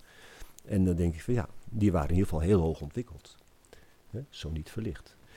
Eh, en zo zijn er ook, ook via andere, ook gewoon door werk of ook gewoon door eh, toewijding. Hè. Er zijn leraren die, die vragen heel veel eh, inspanning van hun leerlingen. En als ze zich daar maar helemaal op die leraar richten, met al hun energie en al hun vermogens, dan krijgen ze daar een, bepaalde waardering van die leraar voor. En ook voor zichzelf een, een stukje in die richting van verlichting, of misschien wel helemaal verlicht. Oké. Maar ze zeggen leraar. toch ook altijd van je bent al verlicht. Dus wat is dan het verschil? Ja, het verschil is dat je je hersenen volledig ontwikkelt. Ja, dat is het verschil. Je kent ook wel Maar mensen- waarom zeggen ze dan, je bent al verlicht? Wat heb je dan aan die uitspraak? Ja, er zijn leraren die dat zeggen, maar daar ben ik, daar ben ik niet helemaal mee eens. Iedereen heeft het vermogen om verlichting te bereiken, dat wel. Ook allemaal in dit leven? Dat is. Moet zeggen dat het niet iedereen heeft gelukt, dus ik kan dat niet eh, zomaar eh, bevestigen. Maar als je dus weg bent, op, op pad bent, hè, stel je, je hebt een leven geleid, je hebt een, bepaalde kennis verworven en een, een, eh, mate van verlichting bereikt, dan ga je in een volgend leven daarmee verder. En dat ga je zeker weer op zoek. En je wordt geboren dan als zoeker. Ik, denk dat ik van mezelf ook een zoeker ben. Ik kijk naar mijn broer en mijn zus en mijn andere mensen die ik, waar ik vandaan kom. Ja, eh, die, voor hun is dat eh, ver weg, eh, meditatie. Het woord, alleen, het woord meditatie alleen al is voor hun al een, een, een iets waar ze denken van nou, heb ik wel genoeg gehoord. En daar, daar zitten natuurlijk dezelfde genen in, maar het is totaal andere mensen. Ja. Het zijn nog steeds mijn broers en zus. En dat zijn nog steeds hele aardige mensen. Maar ik heb daarvoor gekozen, waarschijnlijk ook omdat ik een zoeker ben, dat ik het al eerder ook gezocht heb. Mijn eigen zoon, voordat hij geboren werd, werd er voorspelling over hem gedaan. Dat hij geboren zou worden, dat was helemaal niet eh, in wraak eigenlijk, maar dat gebeurde plotseling toch. En dat ik iemand ontmoette en zo. Dus, maar dat hij uit Tibet kwam en dat hij bij mij geboren ging worden. Dat hij al bij me was en dat, hij het, gewoon, dat het al geregeld was. Dus nou, die heeft ook die meditatietechniek eh, geleerd en dat soort dingen. Dus het is niet, dat is ook geen toeval, weet je wel. Er zijn toch bepaalde keuzes die je al maakt zelf voordat je geboren wordt. En nou, ik ben geboren in een hele stille omgeving, zonder ook maar een weg of in de verste verte een ander huis. Totaal afgesloten, geïsoleerde plek. En ik denk dat ik daar ook een keuze voor heb gemaakt. Maar ehm, verlichting is dan in ieder geval handig, dat je veel kan en dat je hele brein goed werkt. Maar em, Dat je gelukkig bent van ja, ja, ben je dan echt fulltime gelukkig? Of ken je dan- 24 uur per dag. maar dan ken je ook geen verdriet meer? Of, Ja, dus bijvoorbeeld, de vorige week is moeder overleden. Mhm. Tuurlijk, ik heb ook even gehuild. Maar het verdriet is eigenlijk, dat laat niet die sporen meer na, waardoor je de rest van je leven dat meedraagt. Nee, er is gewoon iets wat gebeurt, het hoort bij het leven. Mijn moeder was natuurlijk ook al wat ouder. En, en ze was echt aan toe om over te gaan. Dus Voor het is meer een soort eh, van onthechten aan het verhaal. Nee, wat er gebeurt, er komt een indruk op je af. Mhm. In dit geval een verdriet van moeder die overlijdt. En die indruk, die raak je. Het is nog steeds zo dat je een emotie hebt. En maar, het is snel weg. Het is iets wat je op een bepaald moment ervaart. En dat gaat je niet, eh laat zeggen, zodanig beïnvloeden dat je niet meer jezelf bent. Nee. Dus je blijft gewoon jezelf. Je ziet alles nog eh, precies vanuit je eigen perspectief. Je wordt er niet door eh, gekleurd. Je ervaart de emotie en net, het geldt ook voor vreugdevolle dingen. Alles blijft gewoon ervaring. Alles. hè, dus Maar het kan dus wel zijn dat je even een paar maanden door een hele moeilijke tijd gaat. Nee, juist niet. Dat gaat eigenlijk heel snel, veel sneller. Oh, oké. Het is niet een, een, een- Het is verdriet is eigenlijk gewoon. En zou, wat- zou je nog pijn hebben als je verlicht bent? Gewoon lichamelijke pijn? Ehm, nou ja, het is in ieder geval bekend dat als je TM doet, dat je dus eh, hoog, hoge doseringen van, eh, van eh, serotonines maakt. En dat zijn ook stofjes die, eh, ja. die je helpen pijn, eh, laat zeggen. Dus eh, ik, ik heb zelf nooit pijn. En ik heb wel eens een, een, een wondje of iets. Ik herinner me dus dat ik een keer gevallen was en dan moest ik in Maastricht, waar ik dan toevallig aan het werk was, en, eh, naar een ziekenhuis. Want er moest ge- ge- gehecht worden. En ja, maar ik voelde er eigenlijk niks van. Maar goed, het moest wel gehecht worden, was mijn, mijn- mijn gezicht. En natuurlijk ga je dan naar het ziekenhuis en natuurlijk ga je dan laten hechten. En ik had daar geen arts die dat kon doen, dus ik ging naar het ziekenhuis. Het was een medisch, hoe het, een academisch ziekenhuis met studenten natuurlijk. Dus er kwamen vijf eh, van die eh, mensen op een gegeven moment in een kamer. En begonnen ze protocol, eh, eh, moesten een mond... eh, doek eromheen, weet ik het allemaal, ingewikkeld. En op een gegeven moment moest een tetanusprik. Nou zei ik, ja, sorry, hoef ik niet. Ik heb geen behoefte aan een tetanusprik. Nou, dat was dan heel ongebruikelijk. Ik zeg, nou ja, ik weet het wel. Ik zeg, als tetanus krijg, zie ik het dan wel weer. Maar ik heb het nu niet. En ik ga niet, eh, ga niet eh, nodig, onnodig prikken. En toen moest het verdoofd worden. En ik zeg, ja, maar waarom ga je verdoven? Ja, nou, zeg, dat hoef ik niet. Ik hoef niet verdoofd. Nou, wouden ze eigenlijk niet. Ik zeg, nou, maar als je het niet verdooft, ik heb er geen pijn aan. Nou, dan gingen ze het maken. En dus ik voelde er ook niks van. Dus ik- Maar als je je knie stoot, dan voel je het wel, toch? Ja, natuurlijk voel je wel Oh, pijn. Echt Maar het is niet zo dat je... de- je lichaam maakt ook pijnstillers aan. Ja. Dus in zo'n situatie dat er een wondje is, op een bepaalde plek... en het lichaam functioneert heel goed... Mhm. natuurlijk ga je er iets aan doen... maar je maakt je eigen pijnstillers en je voelt die pijn niet.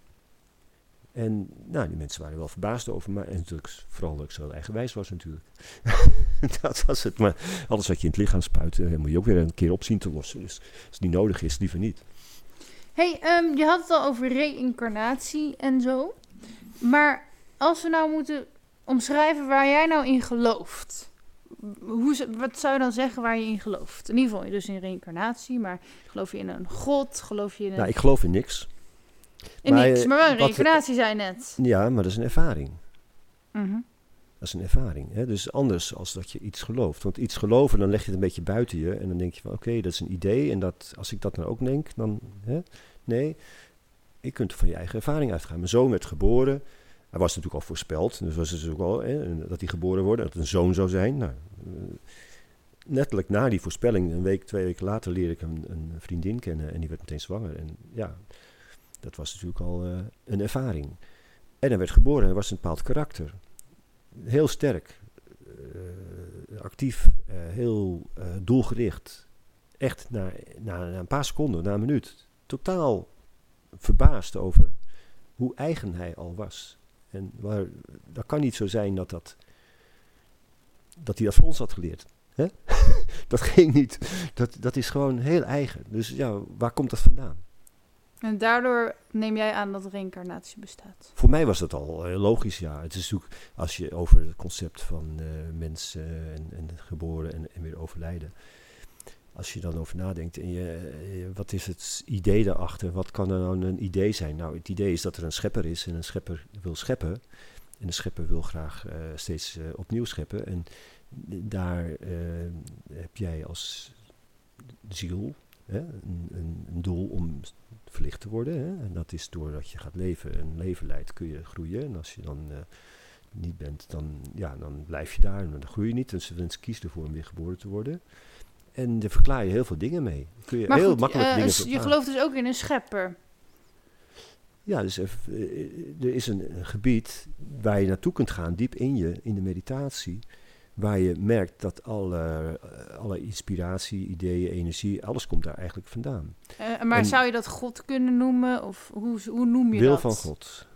Oké. Dus creërende, het, het scheppende deel van het, eh, de scheppende energie van de schepping. Dus de scheppende energie. Als je dat zo noemt, dan weet je, het is in ieder geval iets wat creëert, wat, wat, wat iets doet, wat heel creatief is, maar ook heel intelligent. Want ja, die schepper maakt geen fouten. Wij wel, maar die schepper niet. Als hij wat, wat schept, dan weet hij gewoon, dat past perfect in mijn schepping. Dat is helemaal duidelijk.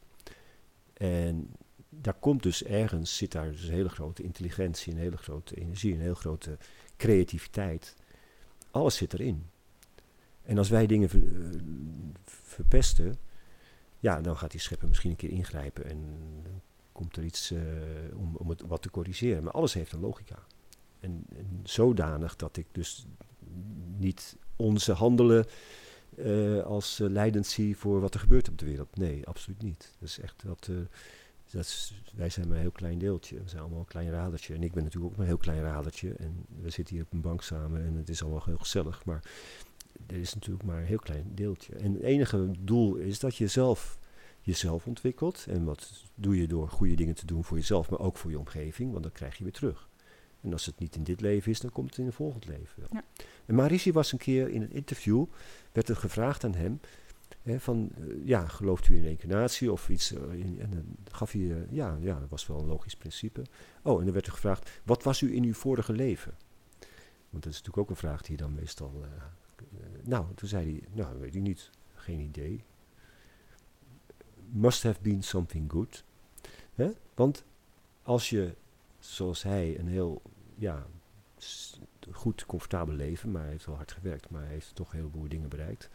Ja, dan moet je ook wel daarvoor iets al hebben gedaan wat goed was. Anders Ja, maar wie beoordeelt dat goed dan? de schepper. Oké, maar wat is goed en fout? Hoe, ehm, Nou, uiteindelijk kun je dat alleen maar uit je eigen ontwikkelde brein. Soms weet je dingen dat ze niet goed zijn. En als je die dan niet doet, dan weet je in ieder geval dat de kans dat je iets goed doet groter is. Je weet het niet altijd. Nee, Maar want, als je, want in heel veel goed zit ook kwaad en in heel veel kwaad zit mens- ook goed. mensen zeg maar. wisten vroeger ook niet dat roken slecht was. Nee, Maar nu weten we het wel. Dus als je dan rookt, dan kun je zeggen: oké, dan ga je tegen je eigen gezondheid in, of tegen de gezondheid van anderen, is niet zo slim. Hè? Ja. Dat, dat, dat besef dat je dat weet, is gunstig, want dan kun je een besluit nemen om te stoppen met roken. En als je een beetje slim bent, dan doe je dat ook. Ja. Als je dat niet weet en je rookt, dan word je nog steeds kans dat je eerder ziek wordt of doodgaat. Dus het gevolg blijft hetzelfde. Of je nou wel of niet weet terwijl je rookt. Hè? En je kan zeggen, ja, ik wist het niet, dus het maakt niet uit. Nee, is altijd dat gevolg. Dus als je een handeling doet die niet goed is voor de schepping, waardoor je schade bericht aan jezelf of aan anderen, ja, dan komt dat een keer terug. Dus de bedoeling is Mhm. dat je dat wel een beetje over nadenkt en dat je iets van. eh, dus ik werk niet voor een chemische industrie of voor een, hè, een farmaceutische industrie, want volgens mij zijn dat gewoon geen bedrijven die goede dingen doen voor de wereld. Hè, dat is mijn persoonlijke maar ja, mening. soms wel. Soms heb je gewoon medicatie nodig. Mm, Daar zijn de meningen nog niet helemaal over. Oké. uit. Ik ben wel voor uitzonderingen. Mijn zoon is arts geworden. Ik ben niet helemaal voorstander van zijn beroep, maar maakt niet uit. Hij kan ook nog een heleboel dingen gaan veranderen in zijn leven. Maar zoals het nu is, heeft hij zes jaar lang eh, geleerd hoe hij medicijnen kan voorschrijven. En dus hij is een dealer van de farmaceutische industrie. Hij weet dus niets van acupunctuur, homeopathie, Vedische kennis, Ayurveda, of natuurgeneeswijze, of kruidenleer, of dieet. Hij heeft nul uur op zijn eh, zes jaar eh, over voeding gehad. Nou, Ja. ik weet bijna zeker dat jij eh, bezighoudt met voeding en een bepaalde voeding wel en andere bepaalde voeding misschien niet neemt, omdat je denkt van nou, dat is beter voor je gezondheid. Ja. En dat leert een arts dus niet. Hoe kan een arts je dan Nou, dingen- vaak hebben ze één blok voeding, geloof ik. Maar, Nee, maar nul. dat dan. Nul. Oh, ik heb gehoord één blok. Hij heeft van mij verteld nul. Oké, nou, dat zullen misschien. eh, maar en dat Misschien gaat dan vooral over de, over de schijf van vijf. Nou ja, dat is Ja, ook alsof dat er, achterhaald. ja, want daar zat vlees in. Ja. En dan denk ik dat dat niet heel goed is voor je. Ja, in ieder geval is het niet zijn gunst- ook weer de mening over verdeeld. Maar goed. ehm, Vlees eten is niet gunstig voor het dier. Eh, nee, dat klopt. Maar voor je gezondheid zou het eventueel voordelen kunnen hebben. Maar goed. ehm, ik, ja, ik merk nog wel van. Dus jij zegt eigenlijk dat goed is eigenlijk als je dus bijvoorbeeld er niet ziek van wordt of sneller doodgaat. Ja, ik vind het een beetje ingewikkeld. Ik- Want ik heb de laatste jaren juist dat ik steeds minder in goed en fout geloof. Ik heb gewoon zoiets van. Als je bijvoorbeeld, eh, nou ja, rookt, had jij dan nu even als voorbeeld. Nou, oké, dat is niet goed voor je lichaam. Maar, ehm, nou ja, dan ga je gewoon iets eerder dood. Maar dat betekent niet dat je leven slechter was of minder waardevol. Of, weet je nou, je krijgt er waarschijnlijk ook een minder comfortabel einde aan je leven. Als je bijvoorbeeld eh, Ja. bepaalde ziektes Ja, krijgt. dat is waar. Eh, het is toch ook minder kans om je volledig te ontwikkelen. Hè? Dus als je eerder doodgaat of als je Ja, last hebt van je gezondheid. Ik vond het wel grappig. Mijn moeder die is dan net overleden, maar zij was voorspeld door een of andere zigeunerin die ooit eh, in dat hele stille huisje langskwam. Ja, mevrouw, en dit en dat, u gaat dit meemaken en dat meemaken. En al die voorspellingen kwamen uit. En ze zou 90 jaar worden. Dat heeft ze niet gehaald. Maar ze zei ook meteen, toen ze dus achterkwam dat ze rookte. Oh nee, nee, u rookt, dan wordt het wel een paar jaar minder worden. Dus dat was ook uitgekomen. En dan denk ik van ja, er zit dus heel veel. er zit, voor moeder was het levenseinde de laatste twaalf jaar niet zo makkelijk. Niet dat ze door dat roken kwam, maar ze heeft wel heel veel gerookt. Ja. Maar goed, niet- roken is ook wel een hele concrete. Maar ja, ik vind Ja. het goed en fout.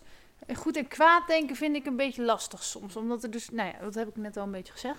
Nou, het is helemaal niet makkelijk. Het is helemaal niet moeilijk om, om die eh, keuzes te maken. Want als je dus transnet meditatie gaat doen, Ja, dan voel je het ook. dan ga je die, die dingen heel snel ontdekken. Ja.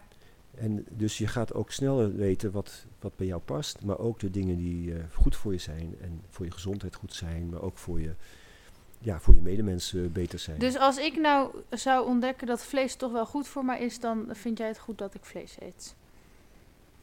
Ja, dat blijft een keuze. Ik ga daar niet over oordelen. Nee. Maar ik ben vegetarisch.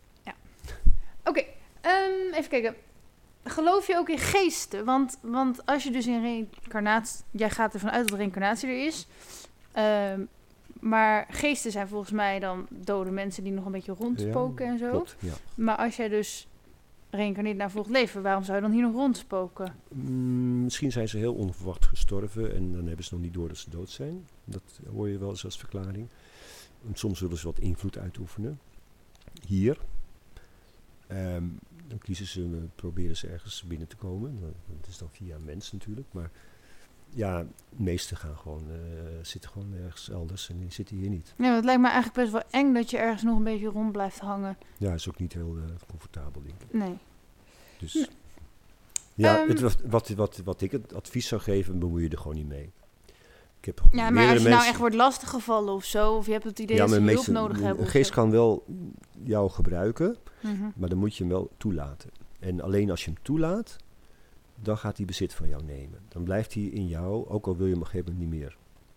En dat, dat duurt langer, dat kan tientallen jaren duren. Maar ik denk, ja, er zijn bijvoorbeeld helderzienden die, die, die laten een geest eigenlijk alles vertellen. En dan hebben ze gewoon een stemmetje, dan zeggen ze gewoon, oh, dat is, het, dat is het.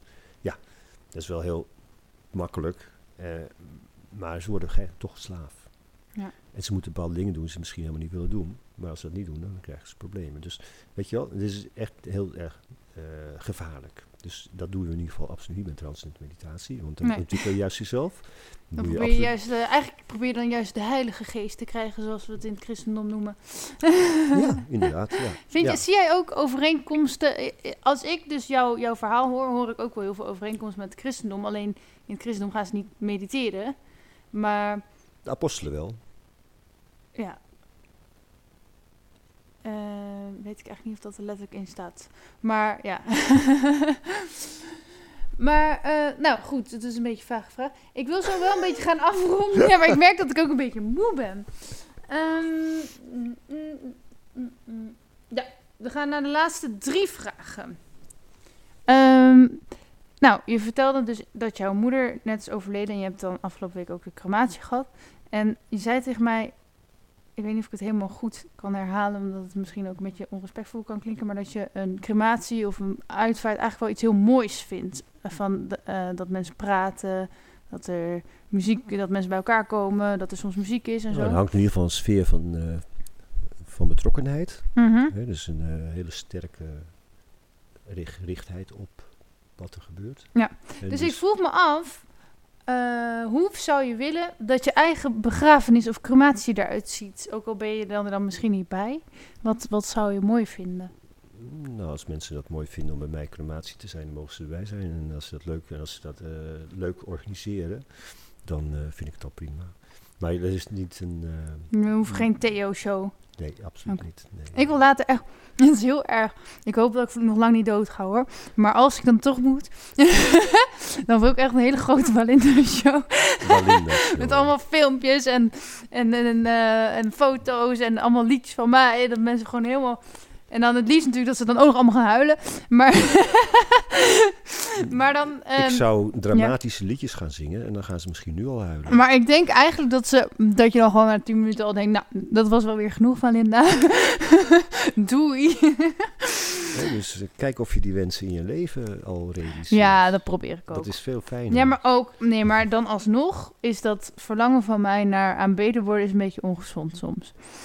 Ook in je leven kun je aanbeden. Jawel, maar dat moet je... niet wachten dit tot je mag dood. ook Dat om de ander jammer. gaan af en toe? Nee, Het hoeft nee. toch niet alleen maar over mij te gaan? Nou, goed. Dus we gaan weer naar jou. Eh, hoe zou jij nou herinnerd willen worden als je bent overleden? En het gaat niet per se over dat je dood moet, maar meer van... wat wil, Het wat kom jij hè? de wereld brengen, zeg maar? De wereld, dat, de wereld eh, valt wel mee, maar als ik een, mijn, mijn zonen heb, twee zonen, en Ja. als zij eh, iets van mij hebben geleerd, dan denk ik van dat is mooi meegenomen. En dat is het dan. En meer niet. Eh, ik heb gewoon mijn eigen ding en ik doe dingen voor anderen wat ik denk dat goed is. En als anderen dat waarderen, prima. En als ze het niet doorhebben, is ook prima. En als ze het niet waarderen, nou, ook prima. Weet je wel? Mhm. Het maakt mij niet zoveel uit. Dus het gaat ook niet om dat als je dan er zelf niet meer bent, hoe je er dan over gedacht. Als ik dus eh, iemand door mij is gaan mediteren, eh, dat hij het blijft doen, dat vind ik natuurlijk wel fijn. Want dan heeft hij zichzelf maximale groei toegewenst. Ja. Dus dat is natuurlijk een, dingetje. Maar ook dat is een persoonlijke keuze, meer niet. Nee. Het is niet een, eh, een, een leven leiden tot een hoogtepunt en dat je dan doodgaat. Nee, nee, dat zou een beetje heel dom zijn. Ja, maar het is eigenlijk ook, deze vraag is eigenlijk ook een beetje... ehm, ik heb hem zelf geschreven, dat weet ik ook wel, maar je hoort hem wel eens vaker in podcasts of verhalen van hoe wil je herinnerd worden. En dat gaat natuurlijk eigenlijk over hoeveel impact je wel niet hebt. Maar dat is ook een beetje een trend van nu. Dat we moeten doen alsof wat wij doen heel veel impact heeft. Want anders heeft het geen waarde. Hmm. Terwijl eigenlijk, tuurlijk heb je wel impact en invloed en, en weet ik veel wat. Maar daar gaat het uiteindelijk helemaal niet om. Dat, dat heb je toch wel als je gewoon doet waar je blij van wordt en goed in bent. En wat goed voor jou Ja. is.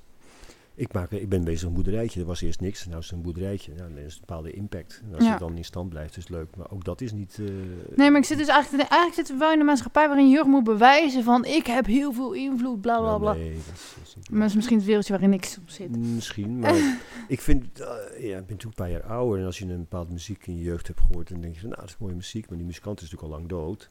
Nou, dit is nog steeds mooie muziek. Hè? Ja. Dus hij heeft een bepaalde impact, omdat je nog steeds die muziek waardeert. En het begint al met Johann eh, Sebastian Bach, hè? Dus de man is 350 jaar geleden al overleden. Dus daar is een, eh, een, een enorme, eh, geniale, eh, 370 jaar geleden. Dus die is een geniale muziek geschreven die nog steeds, bijvoorbeeld zijn Matthäus Passie in Nederland alleen al tientallen keren per jaar wordt opgevoerd. En, en wie zit, de, wat voor een impact is dat die man? Die is geweldig geweest, geweldig. Maar ik denk dat hij er zelf, hij, volgens mij was hij verlicht. Hij was iemand die echt verlicht was. Mm. Die gewoon, die muziek, die kwam gewoon binnen. Daar hoefde niet heel lang over te componeren. Er was een verhaal van hem gehoord dat hij dan bij een koning was en of, of ergens was. En dan koning, eh, nou, die wilde hem wel even testen. Dus die speelde een paar eh, maten muziekje, een deuntje wat hij dan eh, bedacht had. En Bach, die gingen daar meteen à l'improviste een fuga opmaken. Een fuga, dus een meerstemmig, in elkaar vloeiend muziekstuk. Nou, dat is, dat is gewoon niet te doen. Dat, dat dat zomaar kan. En er was niet zo makkelijk melodietje om dat erop te doen. Dus ja, ik denk, ja, die man is gewoon iemand die absoluut geniaal in zijn vak was. En, en dat natuurlijk ook eh, heel hoog bewustzijn moet hebben gehad. En dus waarschijnlijk verlicht. Cool. Hey, als Belinda, ga dat doen. Ga mooie muziek maken. ben ik al aan het Ja, en podcasts. Maar ik word eerst wel even verlicht. Maar ehm, even. ik heb nog een allerlaatste vraag. En dat is, als mensen nou meer van jou willen weten of van jou willen leren, of nou ja, ze hebben jou nodig. Waar moeten ze heen gaan om contact met jou te Ze hebben niet krijgen? mij nodig. Ze gaan als Ze denken dat ze jou nodig hebben, Theo. Nee, nee, nee. Je bent onmisbaar. Ik ga zo even naar de uitklop lopen. Dus vertel jij hoe, men- hoe mensen jou kunnen vinden. Als je transcendente meditatie zou willen gaan leren, is daar een website van tm.nl. En dan kun je bij eh, meerdere leraren terecht. En daar eh, raad ik iedereen aan om daar serieus naar te gaan kijken. En een lezing te gaan volgen. Gra- gratis.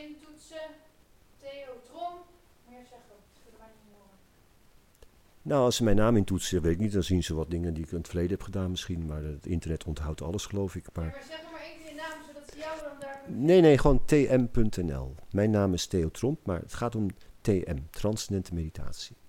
En kijk, daar staat een wereld van kennis op internet, dus daar hoeven ze helemaal niet mij voor te hebben. Dus ze kunnen zelf besluiten met wie en hoe en wat. Je hebt wel een, leraar nodig uiteindelijk, maar dat hoef ik niet te zijn. Er zijn tienduizenden leraren op de wereld, dus ik, ik heb geen zin om dat eh, op mij te gericht te krijgen.